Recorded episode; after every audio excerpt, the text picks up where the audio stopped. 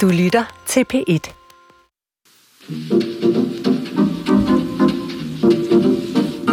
Din mund siger nej, nej. Dine øjne siger ja. Når jeg ser dig og beder dig, giv mig det, jeg helst vil have. De gode gamle dage var for nogen, måske især for mændene, dengang hvor kvinder var frugter, som kunne plukkes, uanset om de ville plukkes eller ej. Udviklingen mellem kønnene og senere samtykkeloven har gjort det erotiske sprog til en blomstrende eng for nogle, og en forræderisk og lunefuld slagmark for andre. En forsker har bedt elskende om at optage, hvad de siger til hinanden under akten, og sproget om og under erotik er det, vi lægger under luppen i dag.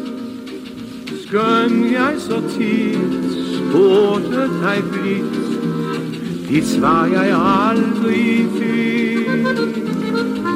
Jeg var en nar, nu kan dit svar, jeg læste i dit blik. For du har nemlig stillet ind på klog på sprog, selvom det ikke lyder sådan her, og det er jo stedet på P1, hvor vi går sproget efter i sømmene, eller måske skulle vi i dagens anledning sige, at vi går sproget efter i planerne, hyder, hyder, hyder, her i u 41, Har hele DR sat fokus på bevægelse, og hvornår er man mere sammen i bevægelse, end når man nyder sin egen og andres kroppe i erotiske fagntag. jeg har inviteret tre mennesker i studiet, ikke nødvendigvis for at have erotik med dem lige med det samme, men de bør kunne gøre mig klogere på sproget om og under sex. Den første er dig, forfatter og seksolog, Johan Ørting. Velkommen til, Johan. Mange tak, Adrian. Johan, øh, du har jo lige udgivet din bog, De fem erotiske sprog, og et af de første spørgsmål, du stiller i den, det er, hvorfor vi ikke taler om sex. Hvad svarer du selv på det spørgsmål? Der er så mange grunde til, at vi ikke taler om sex, men meget omkring angst for at skamme os. Altså den der sårbarhed i, åh, hvis vi nu får sagt noget, hvordan reagerer han eller hun så? Og er det bedre at lade være at sige det? Og ødelægger vi noget? Altså vi er så sårbare omkring det der. Og så også fordi vi har ikke de rette ord øh, vi kan bruge, og, og hvad for et tidspunkt skal vi gøre det, og hvordan skal vi egentlig gøre det. Hvordan kan man udvikle det sprog, Johan? Ja, for eksempel at læse min bog, ikke også? ja, selvfølgelig. Der har jeg samlet alle seksualiteter og kategoriseret dem ind i fem ja, kategori, kategori, hvad hedder det? Kategorier. kategorier. Ja. Og øh, sådan, så man faktisk nu kan pege og sige, at jeg har sådan omkring 60 procent af det der, så har jeg også lige 20 procent af det der, og så lidt af det der. Så har vi noget at kommunikere ud fra. Så du tænker næsten, man kan bruge det som en checkliste, man kan gå frem efter, som en menu? som en erotisk identitet, kan man egentlig sige, hvor man siger, altså før har man måske bare troet, at vi alle sammen har sexfantasier ja. som erotik, ikke? Der er jo mange mænd, der spørger kvinder sådan, hvad tænder du på? Og, og så står man der som kvinde og, og tænker, han vil have, at jeg skal sige en eller anden seksuel fantasi, som jeg ikke har. og, øh, og så er det, vi siger, når jeg er glad for det, vi allerede gør. Og så kommer vi ikke længere øh, i det, selvom han egentlig var velmenende. Og det skriver nok. du jo faktisk i bogen, og det, det ved hun allerede der, når hun siger det, at det er faktisk løgn. Nemlig. Fordi der, der kunne godt være, der er udviklingspotentialer som regel, ikke?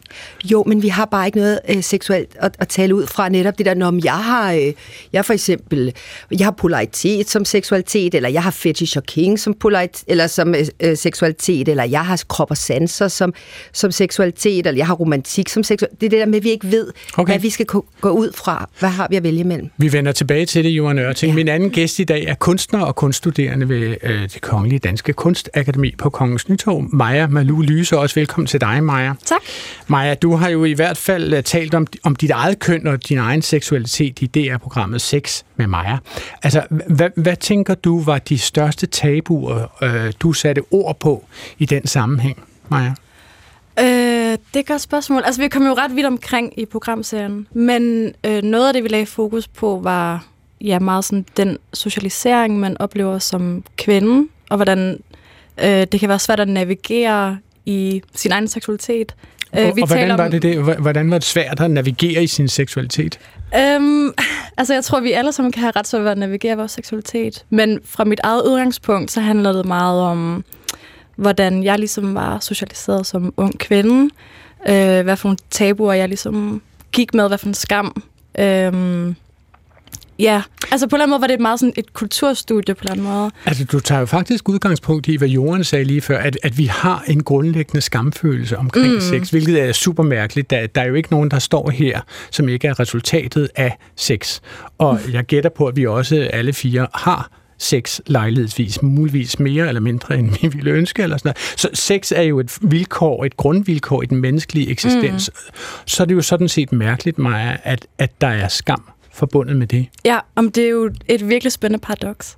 Tænk, er, der, er, der, er der steder, hvor du synes, at selve det der ord skam, selve at lejre sig i sproget omkring vores, øh, vores seksuelle fantasier, eller vores kønsdel, eller hvad det nu? Mm, ja, jeg synes helt klart, at skam er sådan indlejret i sproget.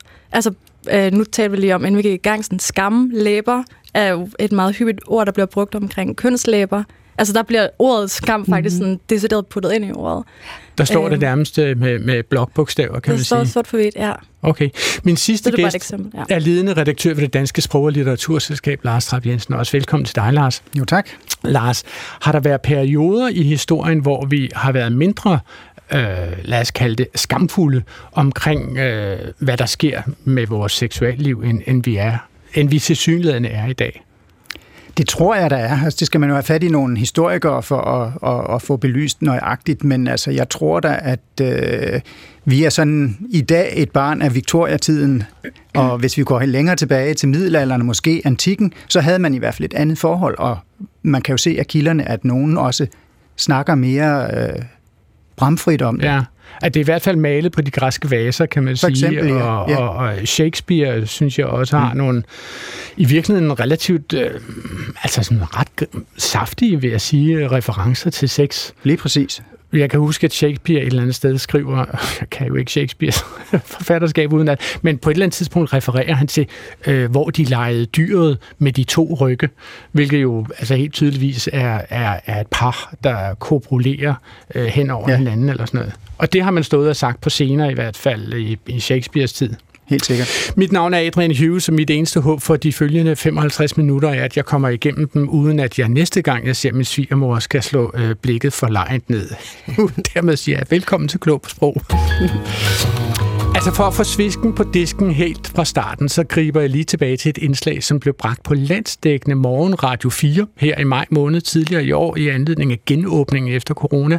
Journalist Louise Fischer lavede en reportage fra sexklubben Swingland i Ishøj og deltog selv i løjerne ved at lægge sig op på rundellen. Altså rundellen beskrives som en meget stor rund seng, næsten så stor som en manege. Øh, og der kan rigtig mange være med sammen i bevægelse. Jeg vil gerne lige fortælle, hvad du ser lige nu. ser en rålækker kvinde nu. Så er der kun knæpper på rundellen. Og efter sigende har hun ikke prøvet det før.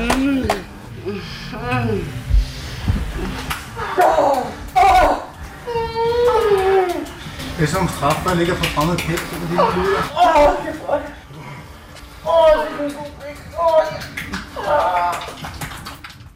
Altså det, der bliver, altså, det er muligvis ikke helt tydeligt at høre det, men der bliver jo sagt, en, en krop, som ligger og får fremmed kæp, øh, så bliver hun betegnet som en lille luder. Øh, der er også en, som siger, at det er en rålækker kvinde, som får pik.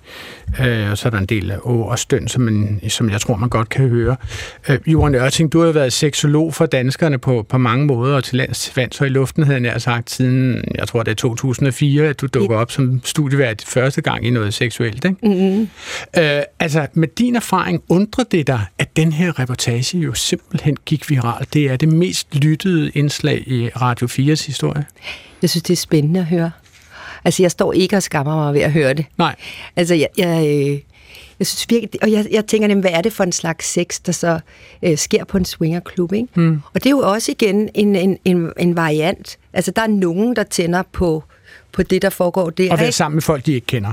Ja, for eksempel, det er en slags seksualitet. Det er jo ikke en, en slags, ikke for alle. Ja. Men det er jo spændende nok at høre, Men, hvad men hvad, oplever. hvad tænker du om at høre det i et landsdækkende radiomedie? At det her er jo morgenradio. altså, det, jeg tror, at, at der har været mange, der har, øh, hvad kan man sige, tabt krødderen lige der, ikke? Hvor, og de der, det der med, med hud mod hud på den måde der, ikke? Ja, der det er bliver jo klasket igennem, kan man sige. Ja, man skal være vant til at beskæftige sig med emnet, tror jeg. Altså Maja Malou Lyse, i, i din udsendelsesrække på øh, DR uh, TV, altså der gjorde du jo, der er blandt andet bemærket ved at lade kamera sådan i grove træk kravle helt op til din, jeg mener, det var din Livmoderhals. Ja, livmoderhals, ikke? Altså, uh, kunne du selv have fundet på at deltage i sex offentligt, som journalisten her uh, har gjort det? Øhm, ikke som udgangspunkt. Jeg tror, hvis det føles relevant for mit arbejde, kunne jeg nok godt finde på det. Hmm. Men ikke er sådan... Så hvorfor Private går årsager, hvis Altså, hvor, mening. du, har, du har lukket et kamera ind i din kønsdel, kan man sige, ikke? Ja, Så, hvor, talt. så hvilken, ja, bogstaveligt talt. Så hvad, hvor, hvor går grænsen i forhold til sådan decideret at have kødelig omgang med andre mennesker foran mm. kameraet? Altså, det tror jeg for mig vil være ret sådan kontekstbaseret. Okay. Altså, Så, der, så du tænker, du... altså jeg vil ikke udelukke dem, det er heller ikke, fordi jeg går og tænker sådan, at det er noget, jeg gerne vil. ja. Kan du så forklare, altså, øh, hvad lå der bag handlingen at tage et kamera og føre den ind i din vagina? Øh, jamen, det var jo et ret sådan konkret måde at prøve at gå op med sådan en kropslig skam. Mm. Altså det der med sådan, i bogstaveligste forstand, sådan, tage sagen i egen hånd. Hmm. Øhm, ja, og belyse noget, som ofte er blevet gemt væk. Tænker du, at, at øh, ville folk lade være med at omtale, øh, hvad hedder sådan nogle labis, et eller andet, altså det, som vi kalder skamlæber, ville de holde op med at omtale dem som skamlæber, hvis man lige pludselig fik kameraet så tæt på, som du fik det?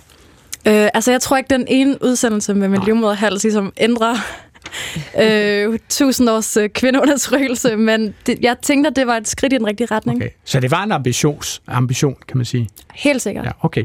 Lars Trapp Jensen, du er jo med som vores øh, ekspert på sproget, men du, du, har jo også, du er jo også, kan man sige, en relativt almindelig heteronormativ, vil jeg kalde det, øh, mand på øh, cirka min egen alder, altså omkring de 60. Hvordan har du det med at høre den her reportage, som jeg lige har spillet lidt af i radioen? Hmm. Jeg tror også, jeg vil øh, reagere, hvis det var om morgenen. Jeg ved ikke, om jeg vil tabe krydderen, men jeg vil, jeg vil da stusse over Du det. vil lige kigge over mod højtalerne. Ja, og altså det, det er måske ikke det, jeg sådan har mest lyst til at høre til morgenkaffen, sådan set. Men, det der, Men derfor kan det jo være interessant nok ja, at høre om det. det. Altså, hvorfor er det ikke det? Hmm. Ja, det er storartet. Ja, Jamen, ja, jeg nej, men det er lidt svært at svare på. Hvorfor skal man øh, høre en diskussion af privatlivet så tæt på, øh, lige når man er vågen? Der ja. er jeg mere til vejrudsigten og ja. hvad der sker i udlandet. Men, men, men Jorden, hvad, hvad, hvad synes du om det her, Lars? Og sådan set også jeg, fordi jeg giver jo Lars ret, vil jeg egentlig ja. sige. Øh, Jeg er heller ikke sikker. Jeg vil nok også have kigget over mod højtalerne, men det er jo god radio, kan man sige. Hvis man får folks opmærksomhed, så er det jo et eller andet sted god radio. Øh, Men, men, men, men hvorfor tror du, at sådan to som mig og Lars synes, surely not in front of the guests? Nå, der ligger jo også meget omkring, altså alle de her, altså med, at man skal jo ikke tale det ihjel, seksualitet, og, altså vi er jo meget, vi har mange myter omkring det der med, at så går magien ud af det og sådan noget, ikke? Altså, jeg, jeg, jeg synes også, det ville være hardcore alligevel, hvis det var om morgenen, og, eller i det hele taget, synes jeg også, det er vildt at høre. Men, øh, men det er jo også spændende, siden at der er mange, der har hørt det. Så er det fordi, det er jo et kæmpe scenarie, vi kan forestille os en masse. Ikke? Der ligger noget meget auditivt i det her. Vi kan sådan se den der rundel for os, og så kan vi se mm. den der lidt tykke dame, tror vi, der bliver... Fordi siden man kan høre det så meget, så må der være altså noget Du, du tænker, der må med. være gods i. Der må gå og sige. Altså det der med, at man forestiller sig, og meget seksualitet handler jo netop om forestillingsevnen og visualisering af det. Maja Malou Lyse, altså øh, i, i dine kredse, synes du ofte, at, at sex bliver forbundet med skam? Mm, øh, ja og nej.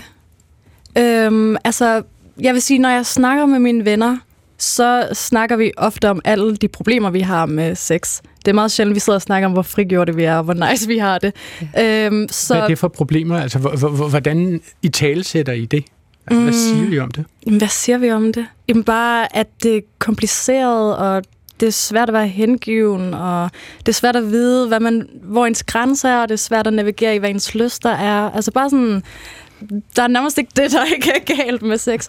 Men, men jeg siger så både ja og nej, fordi på samme tid, så føler jeg også, at jeg er en del af en feministisk bevægelse, eller en generation, som øh, meget har til mål at gøre op med den her skam, og sådan, du ved, der er jo, øh, det er noget af det, der definerer sådan, øh, den feministiske diskurs i dag, er jo meget sådan, den her sexpositivitet, og der er retorikken jo ret sådan, kræv din orgasme, og et nej er et nej, og altså ligesom virkelig sådan kraftfuld og meget kontant, og sådan ja. her, prøv, jeg skal bare have en fucking orgasme, og jeg skal bare sige nej, fordi et nej er et nej.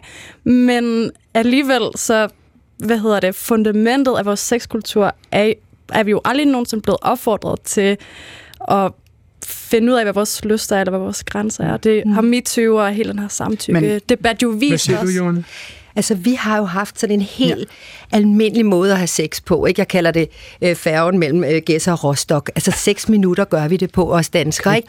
Og det har været det der kvindenhed at ligge ind ud, ind ud, ind ud, komme. Vi taler ikke om, hvad vores intention er omkring seksualitet. Vi går bare ud fra, hun skal have en orgasme, og det skal hun så have inden for de første tre minutter, og så skal han komme til sidst også, og så kan vi lave sådan flueben, og så er det ligesom det. Og det er der, vi tager fuldstændig fejl. For det første er det maskulin seksualitet, det der med, at det går fra A til B, at der noget, der skal afsluttes. Feminin seksualitet går opad, lodret opad, og, og, og måske ved vi kvinder ikke engang, vi har ikke engang fået sat ord på det endnu. Altså, hvad, hvordan virker kvindekroppen? Hvad er egentlig den feminine side af os alle sammen? Der har vi jo en længsel efter i virkeligheden at, at komme højere og højere op i ekstasen og ligge og surfe på bølgen i en, en orgastisk tilstand, i stedet for altså, noget, der bare uendeligt. afslutter. Ja, uendeligt. Lig og surfe på bølgen i en stor orgasme, i stedet for det hele tiden det der med klitoris, og du ved, hurtigt, hurtigt, hurtigt, ned og slikke. Og den der lidt målrettede tunge, jeg ved godt, jeg taler hurtigt nu, fordi det er sådan, det er. Men den der målrettede tunge, han er jo flink nok og tænker godt, hun har sagt ja, ej hvor dejligt. Ned under dynen med det samme ligger slik der, øh, målrettet tunge. Og i det øjeblik, der er den slags tunge, så stopper det helt for kvinden, fordi nu er hun på præstation, nu skal hun levere noget. Ikke? Nu skal og det hun levere en orgasme. Ja, og det tager 45 minutter mindst for en kvindekrop at varme op overhovedet, fordi det, der det handler om for det feminine, det er jo at få åbnet sig, altså gå fra lukket til åben, og holde pauser undervejs. Okay. Og når vi så holder pauser undervejs, så bliver vi mere liderlige, når vi starter igen. Altså det der med at egentlig undgå orgasmen, undgå en holdpause, op igen, undgå, altså vi kan komme op af og fylde kroppen med erotik. Du vil kommentere det, ja, Maja Lyse, Ja, jeg vil, spørge, jeg vil spørge dig, om, øh, om skam er det samme som blufærdighed. Fordi det kunne lige så meget lyde, som om det var blufærdighed, snarere end noget, man skammer sig over. Mm. Nej. Nej, jeg synes, altså skam er meget mere undertrykkende end blufærdighed. Blufærdighed, det er bare lidt sådan, er det ikke lidt sådan, jeg er lidt en blufærdig type. Det er noget, man finder en eller anden ro ved, at det har, sådan er jeg. Hvor skam er mere sådan, det er noget, der bare tynger en, og noget, man sådan... Det forstår men, jeg godt, ja. men du sagde, når I snakker om det. Hvad? Når du sagde, når I snakker om altså det. Altså med mine venner? Ja. Er det så skam, I føler ved det? I, ja. Ja. Jeg synes ikke, at mig eller mine venner er særlig blufærdige, men vi skammer os om, over alt muligt. Både mænd og kvinder har skam. Men hvis vi starter helt forfra hos den lille pige og den lille dreng. Ikke? Den lille dreng har jo sin tissemand, ikke? og det er tydeligt, at han holder selv op, den er glad for den, og forældrene de klapper også i hænderne og siger, at den er også flot. Men den lille pige er det så bare helt anderledes. Altså, hun får, der kommer jo ikke en mor på et eller andet tidspunkt i, i øh, toårsalderen og viser hende, hvad hun har. Altså, viser hende, hvad hun har mellem benene. Det der med, at, at den lille pige får lov til at se, hvad der egentlig foregår dernede. Nej, det er tværtimod, det bliver gemt for pigen, og, og, og, og hun ved jo godt, der foregår noget. Hun tisser dernede fra sådan noget, og hun kan stikke hånden ned i underbukserne eller blæen og tage op og lugte hånden, og hun ved, der er et eller andet. Men at det der med, at, og, og hvis hun kan lide det, vil jeg også lige sige, hvis hun bryder sig om at, at holde lidt hånden dernede, altså så kan forældrene ofte heller ikke rigtig, de er lidt usikre på, altså skal vi sige ja til, at hun kan ligge der, mens der er godnathistorie og sådan noget. Ikke? Gen, genkender du det billede af, af hvordan en, en pige i vores dage bliver opdraget? Øh, ja, helt bestemt. Altså, det... Jamen, tænk, der ikke kommer et spejl. Og, og grunden til, at en mor... Det er jo virkelig mærkeligt. Jeg tror, jeg så min egen, da jeg var 19 år første gang. Okay. Altså den fremmedgjorthed, og vi har jo heller ikke et ord vi har jo heller ikke et ord, der passer. Altså, vi, vi har jo... Har den pige så en kusse, eller har hun en øh, fisse, når hun bliver 14-15 øh, år? Mm. Altså, hvad er det? Vi har, så vi er fremmedgjort på ord. Vi er mm. fremmedgjort på, hvordan vi egentlig ser ud. Og grunden til, at moren ikke kommer med spejlet, det er, fordi hun har ikke selv fået et spejl. Mm. Altså, man tænker må, slet må ikke over det. Må dig, Lars Trapp Jensen? Altså, nu, nu har vi jo fået disse to ord øh, op på disken, må man så må sige. Mm. Fisse og kusse. Øh, har du nogle bestemte associationer til de to ord? Ja. Er, er, der, er der noget af det, som er mere tabuiseret? Er der et af ordene, som er mere tabuiseret end det andet? Eller, eller vil, vil du selv tage dem i din mund? Ja, altså det kom, man er jo barn af sin tid, ikke? så det kommer an på, hvad man er vokset op med. Øh, og, og altså, da jeg var ung, der var kusse det ord, man skulle bruge. Fisse var lidt for øh, seksualiseret, og det er det måske stadigvæk. Måske fordøb, ser man for sig en glatbarberet, stram, ung en, når man siger fisse, og måske en behåret, øh, når det er kusse. Men altså, jeg ved jo ikke, om altså det en, der har været med på Femølejren, for eksempel. Ja, det ja. har en kusse ofte. Ja, men altså, jeg siger, det siger jeg ud fra den baggrund, jeg har, og det kan være, at andre ser anderledes på det. Men, hva, hva, hva, hvad siger du, Maja, som, som repræ- nu siger jeg lige, du er jo her en repræsentant for en anden generation. Ja. Øh, så, så hvilke associationer har du og dine jævnaldrende øh, til ordet fise og kusse? Jamen, det, så, de to ord bruger vi ret frit, føler jeg, men alligevel er vi ikke sådan super komfortable med noget af det. Men det er jo ret spændende, altså det der med sådan, der er jo mange ord for det kvindelige kønsorgan. Mm. Mm. Øh, også alt muligt, du selv kan finde på. Mm. Men alligevel er der en generel opfattelse, at det, det er lidt svært at finde ud af, hvilket ord man ligesom skal bruge, og alt føles lidt forkert. Der er lidt berøringsangst over at bruge ordet. Og det i sig selv er jo ret sigende. Mm. Altså, hvor ja. svært vi har at navigere i det med det kvindelige kønsorgan. Altså, det, det, det er jo sådan set så sigende, den berøringsangst, at det sådan set er komisk materiale. Ja, men også og der, der griber altså, vi tilbage til Kasper og Mandrilaftalen. Der, der spillede jo, uh, Lars Hjortøj en figur, som faktisk aldrig havde haft sex, men han var virkelig dygtig til at tale om det, og han lød sådan her. Og der tænkte jeg, jeg skal fame ud af have fedtet rotten der, ikke? så jeg tænkte, ja. få noget steg på gaften lige og tjekke fiseletten en gang. Ikke? Ja. Øhm, så får jeg øje på hende, der, der står hun pludselig dejlig roulade, du fame stor babs, så nu er det helt fremme, og Paris højt til. Hold da kæft, hun må sgu gerne pisse i min morgenkaffe hende der. Ja. Der skal være lidt ekstra her, ikke, når man endelig skal lidt pelsværk på knærækken. Så jeg inviterer jo basvioler der med en tur i den grønne skov. Ikke? Tænker, hold da kæft, der skal knækkes anemoner med nakken her. Ja. Ikke? Så der ligger vi så ude. Ikke? Så på et tidspunkt får jeg driblet hende rundt. Ikke? For helvede, der er udsigt til pausfærd der. Ikke, mand? Øh, så at få op, fan, der skal køre strilebøger. Ikke? Øh, og der ligger hun så øh, på det tidspunkt der. Ikke? Og der er jo i gang med øh, spermatometer. Det er jo kraftigt, peger den ene og den anden vej. Jeg er fandme ikke til at finde rundt derude. Nej, nej. Altså, hvad tænker I om det her? Hvor, hvorfor er det nemmere at, at, at tale om sex med metaforer, altså at, at sige det uden at sige det, og bruge altså, alle mulige andre billeder for, hvad det egentlig er, der foregår? Hvorfor er det, hvorfor er det nemmere for os at tale med hinanden, hvis vi bruger de her udenomsformuleringer? Mm, min første indskydelse er, at så kan vi holde ting lidt i armslængde. Mm-hmm. Øh, fordi vi netop har berøringsangst, så kan man ligesom sådan danse lidt om varme grød ved at ligesom have det lidt på afstand, ikke? At det kommer simpelthen ikke for tæt på. Er, er det det, man bruger metaforer til, Lars? Altså, at man, man vil sådan set gerne tale om det, men man vil ikke vække anstød, eller man ønsker ikke at sige det direkte? Ja, det er det. Og det er jo ikke kun metaforer, det er jo alle mulige omskrivninger, som man kan benytte sig af. Øhm, det gælder kønsdelene, det gælder kønsakten. Ja. I, i, vi kender alle sammen der i gamle dage, der siger, at de kendte hinanden, stod der, står der i Bibelen. Ikke? Og Nå, ja. på et tidspunkt, så ligger man sammen, men man gør jo andet end at ligge ved siden af hinanden. Forhåbentlig. Og nu går vi i seng sammen. Det benævner jo heller ikke helt, hvad der foregår, så vi omskriver det. Ja. Og, og ofte med billeder, men det kan jo også, det kan også være ja, andre lydord, eller hvad det kan være. Så principielt set, så er det vores måde at, at, at, at forsøge at køre uden om den skam, som, eller det penible i situationen at omtale det kødelige samvær. Ja, det er jo tab, det er tabuiserede mm. områder. Det er dels kønslivet, men det er jo også øh, død og sygdom, og hvad det ellers måtte være, vi omskriver. Men, men Johan Ørting, altså, hvordan kommer vi uden om at tale om sex med omskrivninger, som Lars Hjortøj gjorde her i Mandrill-aftalen? Altså, eller man spørger på en anden måde, fungerer det, altså har de en samtale om sex, Kasper Christensen og Lars Hjortøj her, eller, mm-hmm. eller, eller flyner det ud, og kommer de aldrig øh, tæt på øh, essensen? Nej, jeg sidder og tænker på, når jeg hører det der, at de har siddet og fundet på en hel masse udtryk, og så sat, sat, lavet en historie ud fra dem, ikke? Men det, vi bliver nødt til at gøre, det er at tage det alvorligt på den måde, at vi organiserer. Altså, jeg vil foreslå, at jeg har sådan noget, hvor jeg siger, så prøv fredag aften klokken 7 fredag aften, sæt ud på 45 minutter. Altid godt med dur, så vi ved, hvor lang tid det tager. Og så simpelthen spørger de samme spørgsmål hver fredag til hinanden, hvis man virkelig vil noget med sit parforhold. For eksempel, hvordan har jeg været som partner for dig den her uge? Altså interessen og nysgerrigheden i, hvordan er jeg egentlig at leve sammen med? Andet spørgsmål, hvordan har jeg været som erotisk partner for dig den her uge? Øh, igen, øh, lysten til at faktisk godt ville noget. Altså, altså det, du får det til at lyde som en mus-samtale. Som ja, man præcis, og jeg kalder det PUS, altså partnerudviklingssamtale. Okay. Og jeg vil egentlig foreslå... Hvor ser du dig selv om fem år? det er jo sådan noget, man spørger i en mus-samtale. Men, ja, men det gør det, man ikke her. Nej, okay. Men her kan vi tale om intentioner, og altså, hvorfor har vi overhovedet sex? Prøv at tænke, hvor få par, der har spurgt hinanden, hvorfor har du egentlig sex? Og, og når vi ikke spørger hinanden, hvorfor vi har gjort ting, altså har vi ikke nogen bevidsthed.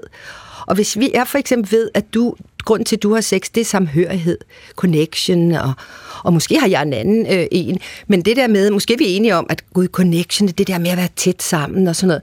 Og alligevel gør vi, som vi plejer, netop den der færgetur fra Gæsser til Rostock, hvor at selvom det er connection, vi tænder på, så ligger han efter et minut nede mellem hendes ben, og hun ligger alene op på hovedpuden.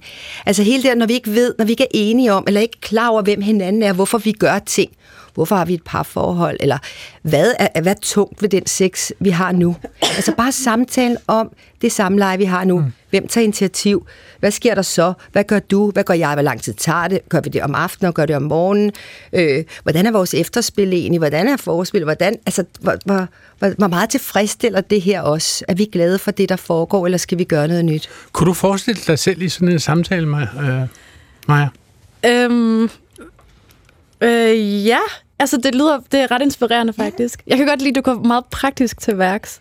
Hvor jeg tror meget, min egen tilgang er meget sådan meget mere sådan teoretisk eller kulturel, hvor det er meget sådan, det er dejligt lavpraktisk, det er ret godt lide. Ja, fordi ellers sker det ikke. Altså, hvis ikke vi holder den så nogenlunde organiseret, lad os bare mm. prøve det en måned, hver fredag i en måned, ikke? Mm. Men det er også en god øvelse i at sådan verbalisere hvor man står, og det tror jeg aldrig nogensinde, vi rigtig er blevet opfordret til. Okay. Øhm, altså jeg, og det kan I sikkert også genkende, jeg er meget vokset op med den her fortælling om, sådan, sex er det mest naturlige i hele verden. Øh, og sådan, sex, det er kroppens naturlige sprog, og du ved, natur er jo ofte noget, vi taler om som så, så, en autoritet, så, sådan som du, du er blevet opdraget, så, har du, så, så tænker du, det var sådan set noget, min krop burde have fundet ud af af sig selv, ja, fordi bare det, det har jeg fået det her narrativ om sådan, når, hvis det er kroppens naturlige sprog, så er det jo ikke noget, vi behøver at verbalisere med vores ord. Øhm, og derfor, og, og faktisk også den her fortælling om, sådan, at det er lidt kikset, øhm, at verbalisere, ja. og lidt usekset. At man kan sige, når man verbaliserer øh, det her, så, så løber man jo ind i, at man er nødt til at bruge nogle ord, og nogle af de ord kan jo have associationer. Nu talte vi om fisse og kusse før, så har vi i hvert fald sagt det. Øh, man, man kan også øh, tale om sådan nogle verber som at, at, at knæppe, eller at bolle, eller at knælde. Altså øh, bolle, Lars øh, Trapp Jensen, øh, hvilke associationer får du på ordet at bolle? Ja, det er sådan en uformel, øh, en, en uformel måde at sige, at man har sex sammen. Ja, Ja. ja det, er, det er lidt i den uformelle stil. Er, er det sådan lidt hverdagsagtigt? Altså, det, ja. det, er, det er ja. godt nok til at løbe på start. Det kan man godt gøre på en hverdagsaften. Ja, ja okay. det er hvor, hvor kommer det fra, Polle? Øh, det er egentlig en, øh, en udvikling af et gammelt ord, bole, som vi har fra, fra nedertysk. Øh, egentlig er det, betyder det en ven, en elsker. Så Nå. på den måde er det jo ja, et lidt øh, ja, så, poetisk så, ord. Så er, er det ikke et verbum oprindeligt? Altså er det, er, det, er, det, er det noget, som antyder, at her har vi med et menneske at gøre, som vi lejlighedsvis er sammen med? Hvis man siger en bole, er nej, det et substantiv? Det, nej, nej, det, Ej, er, det er det ikke. Nej, nej, okay. men det, det kommer fra et uh, substantiv, okay. som, som egentlig betød ven eller okay. elsker, men det er jo, uh, altså glansen er gået lidt af det, ikke? fordi ja. det er jo ikke noget pænt ord. Ja. Og, og en, en boler, det var jo en, der havde udenomsægteskabelige ja. affærer. Maja, hvordan har du det med de verber, altså øh, bolle, knæppe, knalde? Er der, er der noget af det her, du bruger mere end andet, mm. som ord betragtet? Jeg kan godt lide at sige knalde, det synes jeg er ret hyggeligt. hyggeligt? ja, sådan, skal vi knalde? Men så lidt hverdagsagtigt. Altså, ja. Ikke noget, så, så har man altså ikke sat Hvis jeg snakker om køl, det til vel? andre, så siger jeg, at jeg har haft sex. Okay. Hvis jeg sådan skal spørge nogen, om vi skal have sex, så vil jeg nok sige, spørge, om vi skal knalde. Okay, det er hermed forstået. Du lytter til Klog på Sprog, som i dag handler om det sprog, vi bruger om og under sex, og jeg har besøg af Johan Ørting, forfatter og seksolog, og af Maja Malou Lyse, som er kunstner og kunststuderende ved det Kongelige Danske Kunstakademi, og af Lars Trapp Jensen, som er ledende redaktør ved det Danske Sprog- og Litteraturselskab. Øhm, vi synes jo, det er super spændende med selve det sprog, man bruger under sex. Og det er der heldigvis en forsker, som også synes, vi har talt med en retorikstuderende og bachelor i linguistik fra Aarhus Universitet, Christina Dun hedder hun. Hun har undersøgt, hvordan vi kommunikerer med hinanden under sex. Og hun har fokuseret særskilt på de spørgsmål, som vi stiller under sex. Hun ønskede at undersøge det autentiske sprog, vi taler, altså ikke det, som man, man opdigter til porno, eller til film, eller tv-serie, eller hvad det er. Og derfor har hun fået tre par til at optage sig selv have sex. Og nu skal I høre, hvad øh, Christina Lund har fundet øh, frem til gennem den kvalitative analyse. Der var noget, der gik igen, og det var den her særlige spørgsmål-svarform. Og grunden til, at jeg synes, det var i øjnefaldene, det var, at den måde at spørge og svare på er ret øh, afvigende fra, hvad vi normalt godtager. Normalt så spørger man, fordi der er noget, der hedder et videnshul. Man spørger en person ind til noget, fordi man selv har et, øh, et hul i sin viden, som man gerne vil have udfyldt. Hvad fandt du ud af? Var anderledes ved måden at spørge på under sex? Jamen det der jo så var, det var, at lige pludselig så begyndte jeg at se noget, hvor, hvor de her spørgsmål egentlig udsprang af noget, der ikke var et behov for viden, men som jo måtte have en anden funktion. Det kunne fx være i en situation, hvor en mand spørger en kvinde, eller han siger først til hende, at han synes, han, han burde komme inden i hende. Der siger hun så ja, kom inden i mig. Der tænker vi umiddelbart, nå fint, han har øh, øh, kommet med en annoncering, hun bekræfter den, nu er den egentlig ude. Men der fortsætter han og siger, vil du gerne have det? Hun anerkender det og siger, ja, ja, jeg vil have det. Så tænker vi, så er den slut der. Det vil vi normalt anerkende til, så har vi sejlet den aftale. Ikke? Og så siger han så, hvor meget vil du have det? Hun svarer, jeg vil have det rigtig meget. Så spørger han, hvor vil du have det? Og så er det, hun svarer, øh, at hun gerne vil have det inde i sin kønsdele. Mm. På intet tidspunkt anerkender han, at han har fået et svar. Han siger ikke, nå okay, eller fint, eller noget som helst. Han fortsætter bare med at spørge. Så siger han for eksempel, hvor i din kønsdele? Det svarer hun også på, uden at tøve, og siger dybt. Så tænker vi, om nu, den, nu er den helt slut. Men han følger op på hendes svar med en hvor dybt. Alle de her informationer, han efterspørger, og som hun giver, kunne man vurdere som irrelevante. Øh, rent fysiologisk, når, når man har sagt, ja, du skal komme ind i mig, så er det måske lidt begrænset, øh, hvor meget detaljerne om det her, det afgør noget. Men ikke desto mindre, så ser øh, kvinden her det ikke som overflødig viden. Det er i hvert fald ikke det, der bliver givet udtryk for i samtalen. Fordi hun bliver ved med at svare ham. Det er positivt for det, de har gang i. Fordi de bliver ved med at opretholde de her spørger- og svareroller. Hvorfor gør man det her med at stille spørgsmål, man godt kender svaret til? Sprog kan fungere som et, man, man kalder det et afrodisiakum, vi ved fra tidligere litteratur, der har fastlagt, at ord tilhørende særlige kategorier, altså særlige emner, de bruges, når mennesker rammes af følelser, der er stærke. Det kan også være stærkt fysisk stimuli. At hvis man bliver ramt af sådan noget, så tyrer man rigtig tit til tabuord. Det kan være øh, ord, der hører til kategorier som kropslig udtømmelse, altså lort for eksempel, eller sex. Og det man simpelthen ved, det er, at, at ord fra de kategorier, de giver større fysisk afløb. Og når man får større fysisk afløb, så får man velbehag. Og man kan sige, at sex er jo forbundet med nydelse og følelser og velbehag. Så på den måde giver det ret god mening, at ved at vi siger de her tabuiserede ord, jamen så får vi større afløb. Man kan sammenligne det med at brænde sig hurtigt på en kogeplade, hvor man trækker hånden til sig, og det første, man siger, det er måske fuck, snarere end cykel. Og det er simpelthen fordi, at det her fuck, det er lavet på en måde, der giver os mulighed for at få det rare bagefter. Johan Ørting, hvad, ja. hvad, hvad, hvordan oplever du den her analyse af den her, det her spil, der til synligheden foregår mm. med et spørgsmål, som giver et svar, som man sådan set godt kunne forestille sig, at man ville få under alle omstændigheder? Altså, øh, den mm. ene part bliver ved med at stille spørgsmål, som den ene part udmærket kender svaret på. Hvad er det, der foregår her? Lige det her par, de har en leg om sæd. Altså det er sæden af guldet, udløsningen af gaven til hende. Mm-hmm. Så de, de tænder begge to på det der ind. Altså der er også mange kvinder, der tænder på det der med, skal jeg, skal jeg give dig et barn, skal jeg gøre dig gravid, skal jeg bare sprøjt. Det kunne være en ting. Men de er faktisk enige om, han synes også selv det her, at, at hans sæd, eller hans udløsning, det er den helt store klimaks. Det er der jo mange, der gør. Altså mange, der synes, at netop udløsningen eller sæden, det er, det er guldet. Og det er det, de synes er frækt, de her, de her par. Mm-hmm. Lars Trapp Jensen, øh, har øh, øh, øh, Christina Dun ret i, at der er nogle bestemte tabuiserede ord, som ligesom trigger en øh, fysisk fornemmelse i altså, altså når vi, når vi siger fuck, når vi brænder os på en kogeplade, at det er mere virkningsfuldt, end hvis vi siger, og så kan jeg faktisk ikke høre, om hun siger psyke eller cykel. Øh, jeg ville synes, det var interessant, hvis man brændte sig på en kogeplade og sagde, oh, cykel. men, men, men er der nogle bestemte ord, som vi bruger til at sætte noget i gang, også fysisk op i vores, ja, i vores hoveder eller i vores krop? Ja, det er, det er helt sikkert, og det er veldokumenteret uh, inden for sprogvidenskaben.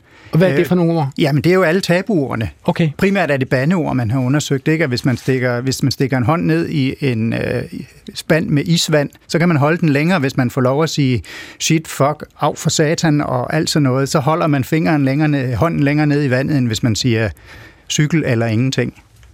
Uh, Maja uh, Malu Lyse, uh, nu har du jo været så åben, kan man roligt sige, i fjernsynet. Uh, så derfor tillader jeg mig at spørge, altså, hvad, hvad siger du og dine seksuelle partnere til hinanden, når I har sex? Øhm... Jamen, vi siger alle mulige ting til hinanden. Men er det jeg, noget, du vil løfte sløret for her øh, på landstækkende radio? Altså, jeg ved ikke, hvordan jeg skal komme ind på det. Det er mere sådan, jeg synes, det at verbalisere om det så er grænser eller lyster, eller hvad det nu er. Bare det at være, øh, kommunikere noget under sex, det synes jeg er mega vigtigt, og jeg gør det bedste, jeg kan, men jeg synes også, det er meget svært. Hvorfor? Jamen, jeg tror... Øhm, jeg tror bare, jeg går ind i det seksuelle rum med, hvad der lidt kan føles som en meget tung rygsæk. Og den rygsæk, selvom jeg er nøgen og gerne vil være hengiven, så har jeg stadig den her rygsæk på. Og den her rygsæk, den er fyldt med nogle meget tunge mursten, som består af præstationsangst og øh, kropskomplekser og øh, være så meget over i den anden, at jeg ikke øh, har kontakt til min egen krop og forventninger og ligesom alle mulige må, må ting, jeg som jeg føler ligesom... Jeg, jeg, jeg ved jo, at, at du både går i seng med kvinder og mænd, og muligvis også andre. øh, øh, er, er der forskel på, hvordan du kommunikerer med mænd, og hvordan du kommunikerer med kvinder, når I har seksuelt samkvem? Øhm, det troede jeg. Okay.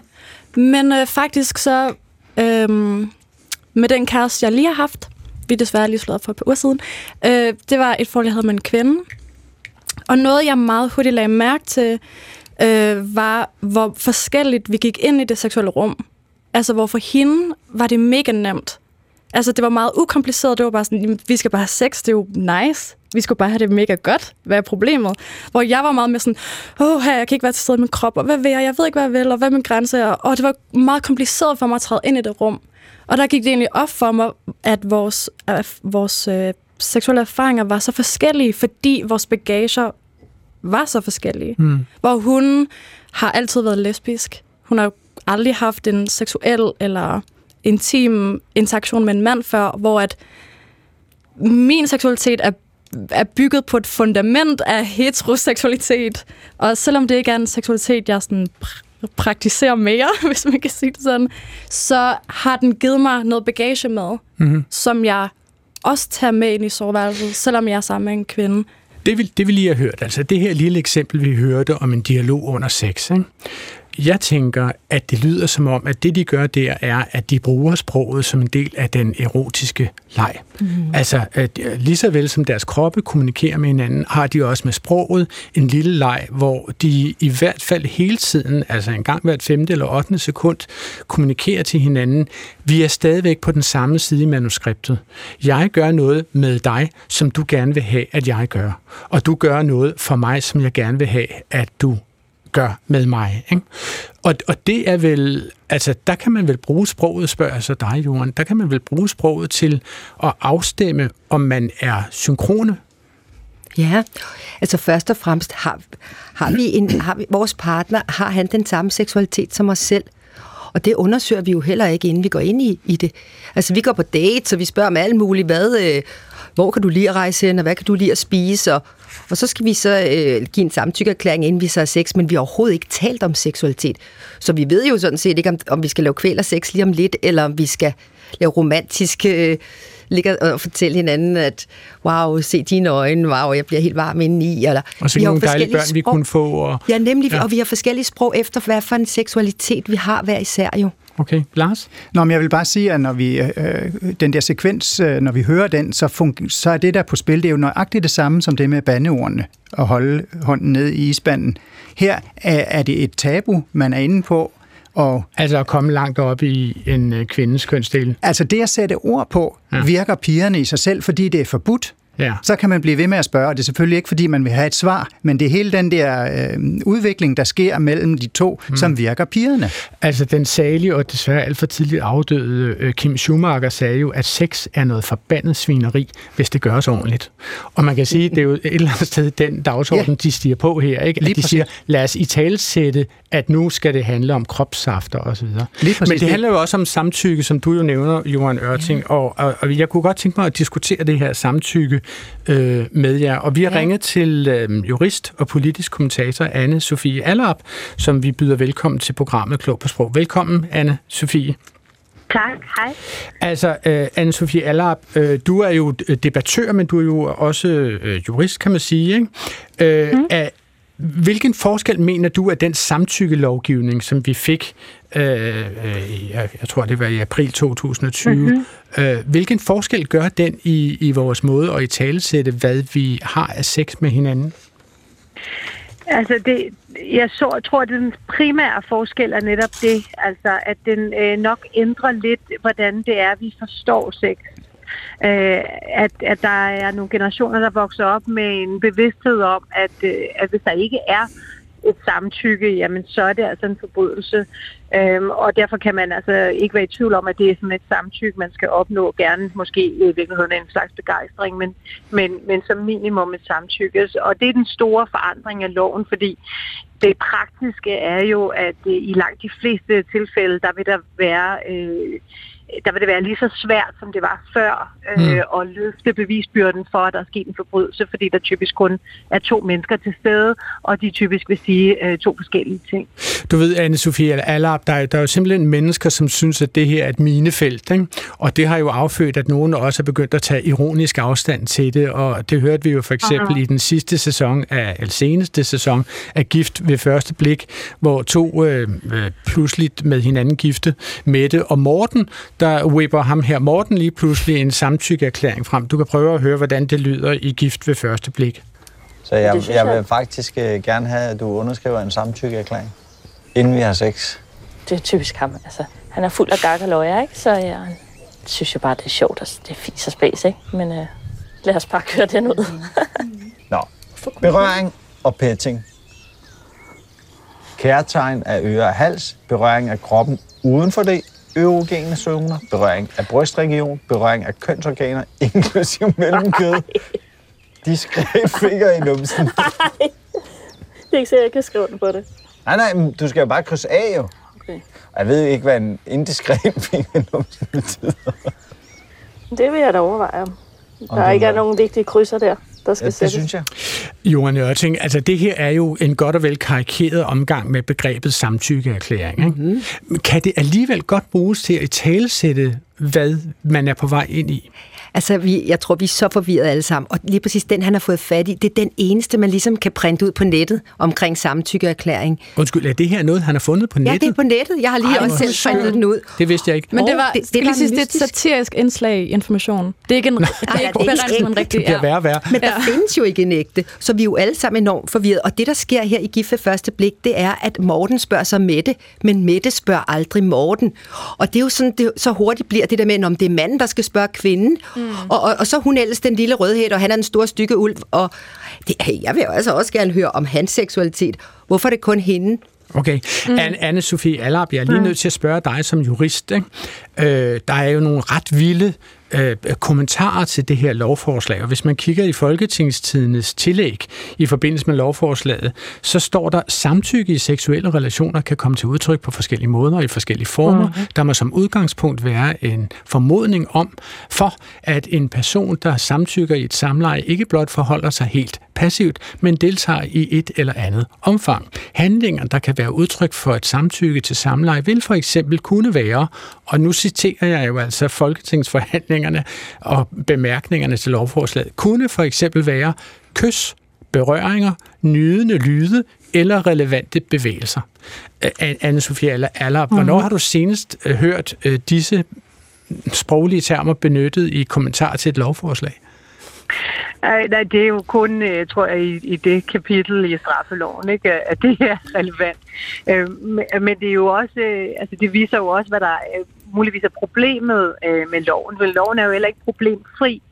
Øh, Det man jo kan forestille sig som, øh, som, som forurettet, altså hvis der sidder et offer øh, inde i og skal vidne i en sag, så vil offeret jo kunne øh, blive forholdt meget detaljeret gennemgang af offerets bevægelser og lyde og så videre undervejs øh, i forbrydelsen som bevis for, at gerningsmanden ikke kunne have haft forsæt til at begå forbrydelsen, fordi gerningsmanden kunne tro, at der var samtykke osv. Altså, så det, det, det, gerningsindholdet er ikke... Øh, altså, det- det, det er jo stadigvæk mudret, øh, og på den måde har loven jo ikke fjernet øh, alt, alle de problemer, der er med at løfte beviset øh, for, at der er faktisk er begået en voldtægt, som gør, at der er så stort et mørketal øh, Men- på det her område. Men Anne-Sophie eller Allerp, så, så er spørgsmålet jo simpelthen, øh, hvad tror du, det kommer til at betyde? Altså, hvilken forskel kommer det til at gøre, at vi har sådan en samtykkelov her?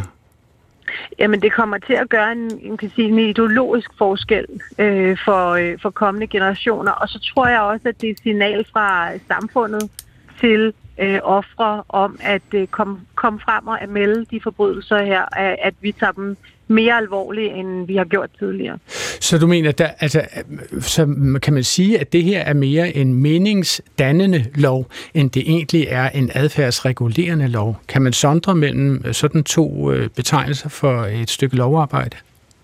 Øh, ja, det er i hvert fald øh, mere øh, en, en, et, et signal, og, øh, end det vil være en stor øh, revolution på kønsområdet. Øh, det, det, det kommer det ikke til, fordi der vil stadigvæk være betydelig usikkerhed for, om man rent faktisk kan opnå en dom. Okay. Anne-Sophie Allerp, jeg vil sige tusind tak, fordi du vil være med i denne cameo appearance i Klog på Sprog her i dag fredag. Tusind tak for en din medvirken. Godt. Tak. Altså, og nu siger jeg til jer andre her i studiet, jeg husker jo nok, at vi indledte programmet her med at fortælle, at hele DR øh, fejrer motion og bevægelse med den her temauge, som tilfældigvis har nummeret 41. Og det er jo vores anledning til at tale om sproget i noget af det mest ultimative bevægelse, man kan være sammen om, nemlig 6. Og DR inviterer med bevægelse som tema hen over alle kanaler til Danmarks hurtigste dansefest. I kan lige så godt vende jer til det. Det er hele Danmarks Radio, som spiller her i 10 i 12. Øh, junior Seniors Move Your Feet, altså nu, hvor vi alle her i studiet skal danse! Og man kan desværre ikke gå ind på Facebook og se det, men vi danser.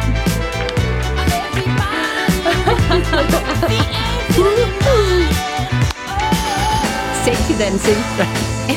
Vi bliver ved, vi bliver ved. Jeg læste engang en overskrift på et amerikansk blad, Opera Magazine, hvor der stod, der er én ting, som kan forhindre dig i at dø tidligt. Og hvis der kun er én ting, hvad skal det så være? Og jeg tænkte, hvad har Opera fat i af hemmeligheder her? Hvad kan det være? Hvad kan det være? Det er bevægelse. Du skal bare bevæge dig mere. Det er jo vigtigt at sige, kan man sige, til amerikanere, som jo ikke har cykler, Ja. og som kommer Nemmere alle vejen. Ja, præcis. Nu står vi forløbig her og danser en smule. Nå, og dermed har vi også her på på Sprog deltaget i temaet sammen i bevægelse sammen med Junior Senior. Johan Ørting, nu har vi stået her og danset, og det har været super hyggeligt. Mm-hmm. Det er svært, at der er et helt bord imellem os, så, så, så, så kropsligt har det heller ikke været mellem os. Men, men jeg har jo den fordom, at dans er en naturlig indgang til erotik. Tror du, det passer? Nok mest for kvinder, ikke? Hvorfor? Altså, vi kvinder, vi, har, vi, vi føler os jo kropslige. Altså, mange, øh, der er selvfølgelig også mange mænd, der, der elsker at danse, men der er nok flere kvinder, ikke? Fordi vi måske har et, øh, vi er et tættere forhold til vores krop, end mange mænd. De har et måske mere tættere forhold til deres hjerne. Okay. Maja Lu Lyse, altså hænger, hænger dans og sex sammen i din verden? Nej. Nej? Nej, det tror jeg ikke. Lars Trapp Jensen, er dans et kropssprog, som er nemt at afkode? For nogen er det nok. Jeg tror, vi er forskellige. Jeg tror ikke, man kan generalisere. Mm. Det hører vi jo også lige her. En ja, en nej. Men okay. det er jo det der med, at man har man seksualitet fra hjernen, altså fra tanke møder mm. tanke, hvis vi er to, der har sexfantasier, eller for eksempel, hvis der er to, der har krop og sanser, så er det jo hud mod hud. Altså øh, to, der har krop og sanser som seksualitet, vi vil danse, ikke? Mm. Mm. Jo. Det var også... Jo. Johan, din bog hedder jo De fem erotiske sprog. Ja. Altså, er dans et erotisk sprog? Ja, det er det rigtig meget. Og prøv at tænke, mænd betaler måske en 300-400 kroner for at se, se striptids for eksempel, og kvinder gør også, for eksempel med Chippendale dengang og alt det der. Men det der med at sætte sig ned på en stol, og så se en kvinde smide tøjet og danse, og det er fordi, man kan sige, han kan måske føle sig lidt tør indvendigt, eller sådan lidt hovedagtig, og så kommer der bare den her juicy dame, som smider øh, tøjet og viser sin dejlige krop, og det er som at se sådan, det er som at gå ud i ørkenen, og så lige pludselig så er der vand jo, ikke? Og, og, og, og det gør ham godt tilpas. Altså det, han ser igennem sine øjne, det går ned til hans kønsdel Mm-hmm. og giver ham god følelse. Lars Rapp Jensen, jeg synes, vi skal tage øh, et par lytterspørgsmål her mod slutningen af programmet. Og, og vi har en, som hedder Hans, som skriver til os på klog på sprogsnablag dr.dk, som man jo altid er velkommen til at skrive ind på. Og han spørger, om, om det kan være rigtigt, at man ikke længere må bruge udtrykket sexkrænkelse. Altså han løber hele tiden ind i, at for eksempel Twitter-brugere, som siger, at øh, hvis man har begået et seksualiseret overgreb, så har det ikke noget med sex at gøre, Øh, det er faktisk kun voldsmanden, meget sjældent kvinden, som regel voldsmanden, som fik noget seksuelt ud af det. For modparten var det jo bare et voldeligt overfald eller et Mhm. mm-hmm. overgreb. Mm-hmm. Altså, øh, skal, vi, skal vi helt holde op med at bruge udtrykket sexkrænkelse? Det er jo et godt spørgsmål, og det knytter vel an til det, vi øh, snakkede med juristen om lige før, om sex er noget, man skal sige ja til, eller det er noget, man skal sige nej til. Øhm, Så der er øh, givetvis en udvikling på vej.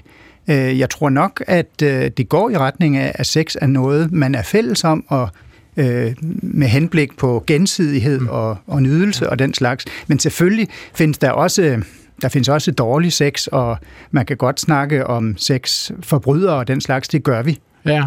Hvordan vil du bruge ordet sexkrænkelse? Vil du bruge ordet, Maja Louise, sexkrænkelse? Er det øh, et, et ord, som indgår i dit ordforråd? Mm, jeg tror, jeg bruger nok mere sådan seksuelle overgreb, hvis det skal. Seksuelle overgreb. Ja. Men hvis du siger seksuelle overgreb, så siger du jo også, at overgrebene er seksuelle, og så, altså, så er det vel seksuelle for begge parter, skulle jeg mene. Eller, hvad? Mm, altså, køber ej, jeg du vil ikke lige... sige måske den, der bliver udsat for det, men det er vel bare, ja. Jeg har ikke tænkt så meget over sådan Nej. ordets Johan betydning, Ørting, så- er, er det sådan, at, at vi kun kan tale om sex, hvis det er gensidigt udviklende og stimulerende og forpligtende og frivilligt osv.? Ja, og vi skal mere og mere lære at sige til, i stedet for fra. Altså, jeg er godt klar over, at vi er i gang. Vi er lige i en, en periode lige nu, hvor vi alle sammen skal lære at sige nej. Men i virkeligheden, når vi skal, være, skal sige nej i et rum, øh, lige pludselig midt i en erotisk øh, ting, så skulle vi slet ikke være gået derind. Eller sådan den der med, at vi skal lære at sige til, hvad vi vil. Og det er jo også det der med, at vi kvinder bliver stærkere nu. Ikke også? Til at netop sige, hvad vil, hvad vil vi? Hvad, hvad vil vi? Hvad siger vi ja til? Ikke? Mm. Sådan så vi i virkeligheden, altså hvis vi skal sige nej, så er vi allerede overtrådt vores grænser for, da vi gik ind ad døren, ikke? Altså, for, fordi det sådan set er, er ydmygende eller ubehageligt at være blevet presset så langt ud, at man er nødt til at standse det ved at sige nej. Ja, vi skal mere og mere finde ud af, hvem er vi erotisk, hvad er, hvem er vi? Altså, det er det der, vi hver især skal ligesom gribe i egen barm og sige, hvad er min erotiske identitet, og hvad har jeg lyst til, og hvem er jeg tiltrukket af, og hvordan virker min erotik? Så kan jeg begynde at sige til. I stedet for at jeg bare sætter mig i en eller anden situation, og så får jeg se, hvad der sker. Og så er det, jeg skal til at sige nej, nej, nej hele tiden, ikke? Ud fra det, der foregår. Mm. Så det der med, at vi bliver mere og mere bevidste omkring, hvem vi er seksuelt, og det gør vi gennem at kommunikere om seksualitet. Lars? Jeg synes, det er vigtigt at sige, at det er en bevægelse, det her. Der er stadigvæk områder, hvor man øh, holder fast i, at der ikke skal være gensidig nydelse. Mm. I, jeg kan fortælle, at i, i, i ordbogen, som jeg arbejder på, der har vi dels en hovedbetydning, som er det her sex, samkvem, seksuelt samkvem mellem mennesker med henblik på nydelse og den slags, som er hovedbetydningen, men der er også en underbetydning, som går på hele sexindustrien. Ja. Og der er jo masser af ord inden for det område, som ganske vist er frivillige, men det siger jo ikke et hak om, at der er nydelse involveret. Det er jo et rent marked, så når der er købesex, og der er øh, sex, ja, sexindustri er et eksempel på... Sexlegetøj og- Sexleje, alt sådan noget, ikke, siger jo ikke noget om, om der er nydelse blandet ind i det, men det er en ren vare, ikke? så der er stadigvæk en reminiscens af det, og det er jo også det, der er på spil, når vi snakker om sexforbrydelser Mm. og, øh, sexmisbrug. Altså, jeg, jeg må bare lige sige her på falderet, min tilgang til det her program er jo, at det skulle jeg måske have, have deklareret helt op i starten af programmet. Jeg forstår slet ikke, øh, hvordan mænd og kvinder har sex med hinanden. Det gør jeg simpelthen ikke. Altså, fordi jeg tænker, at seksualiteten er så radikalt forskellig. Altså, jeg, jeg er desværre ikke selv på det øh, format, som hedder Grinder, men, men det er jo sådan en, en sex-møde-app for mænd, ikke? Mm. som har sex med mænd. Og, og en af mine venner bookede sig ind i et hotel i New York på et tidspunkt, hvor den app lige akkurat var kommet frem. Og så tjekkede han på appen, at der var en anden herre, som så godt nok ud til leverpostej, altså nogenlunde acceptabel, passabel øh, sexpartner. Og så sendte han en sms på, på appen og sagde, wanna fuck? Og 12 sekunder senere, så fik han svaret, sure thing. Og så gik elevatorerne op, og cirka øh, 3,5 minutter efter, han havde sendt sms'en, havde de sex, og 4,5 minutter efter var de færdige. Øh, og det siger jo et eller andet ret voldsomt om mandlig seksualitet, mm-hmm. øh, når den er allermest altså fritskrabet og isoleret, kan man sige. Og det må i grove træk måske også være nogle erfaringer, som du har gjort, Maja Lu. Øh, altså med mandlig seksualitet, at den ja, er på altså, mange jeg måder ikke- forskellig. Altså, jeg synes, det er sådan lidt forældre at tale om seksualitet som noget, der er sådan mandens seksualitet og kvindens seksualitet. Jeg tror, der er mange faktorer, der spiller ind i, hvordan vi bevæger os igennem verden som seksuelle individer, som også er på tværs af generationer og seksuelle orienteringer og hvor hen i verden man vokser op og sådan noget. Der er mange ting, der spiller ind, okay. som ikke kun går op i mand eller kvinde. Og dermed fik jeg her til slut i Klog på Sprog åbnet en meget, meget stor dåse med orme, som, som ja. vi nok ikke får skrællet helt færdig. Klog på Sprog er færdig med at tale om sex sammen i bevægelse for i dag. Jeg vil stadig give Groucho Marx ret i, at sex nok er kommet for at blive, og jeg siger tak til mine gæster, Johan Ørting, forfatter og seksolog, Maja Malu Lyse, kunstner og kunststuderende ved det Kongelige Danske Kunstakademi, og til Lars Trapp Jensen, ledende redaktør ved det Danske Sprog- og Litteraturselskab selskaber med på telefon havde vi jo altså Anne-Sophie Allap og Christina øh, Duen.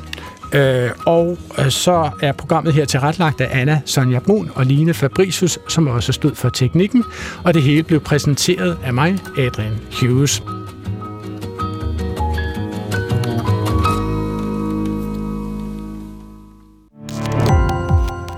Gå på opdagelse i alle DR's podcast og radioprogrammer. I appen DR Lyd.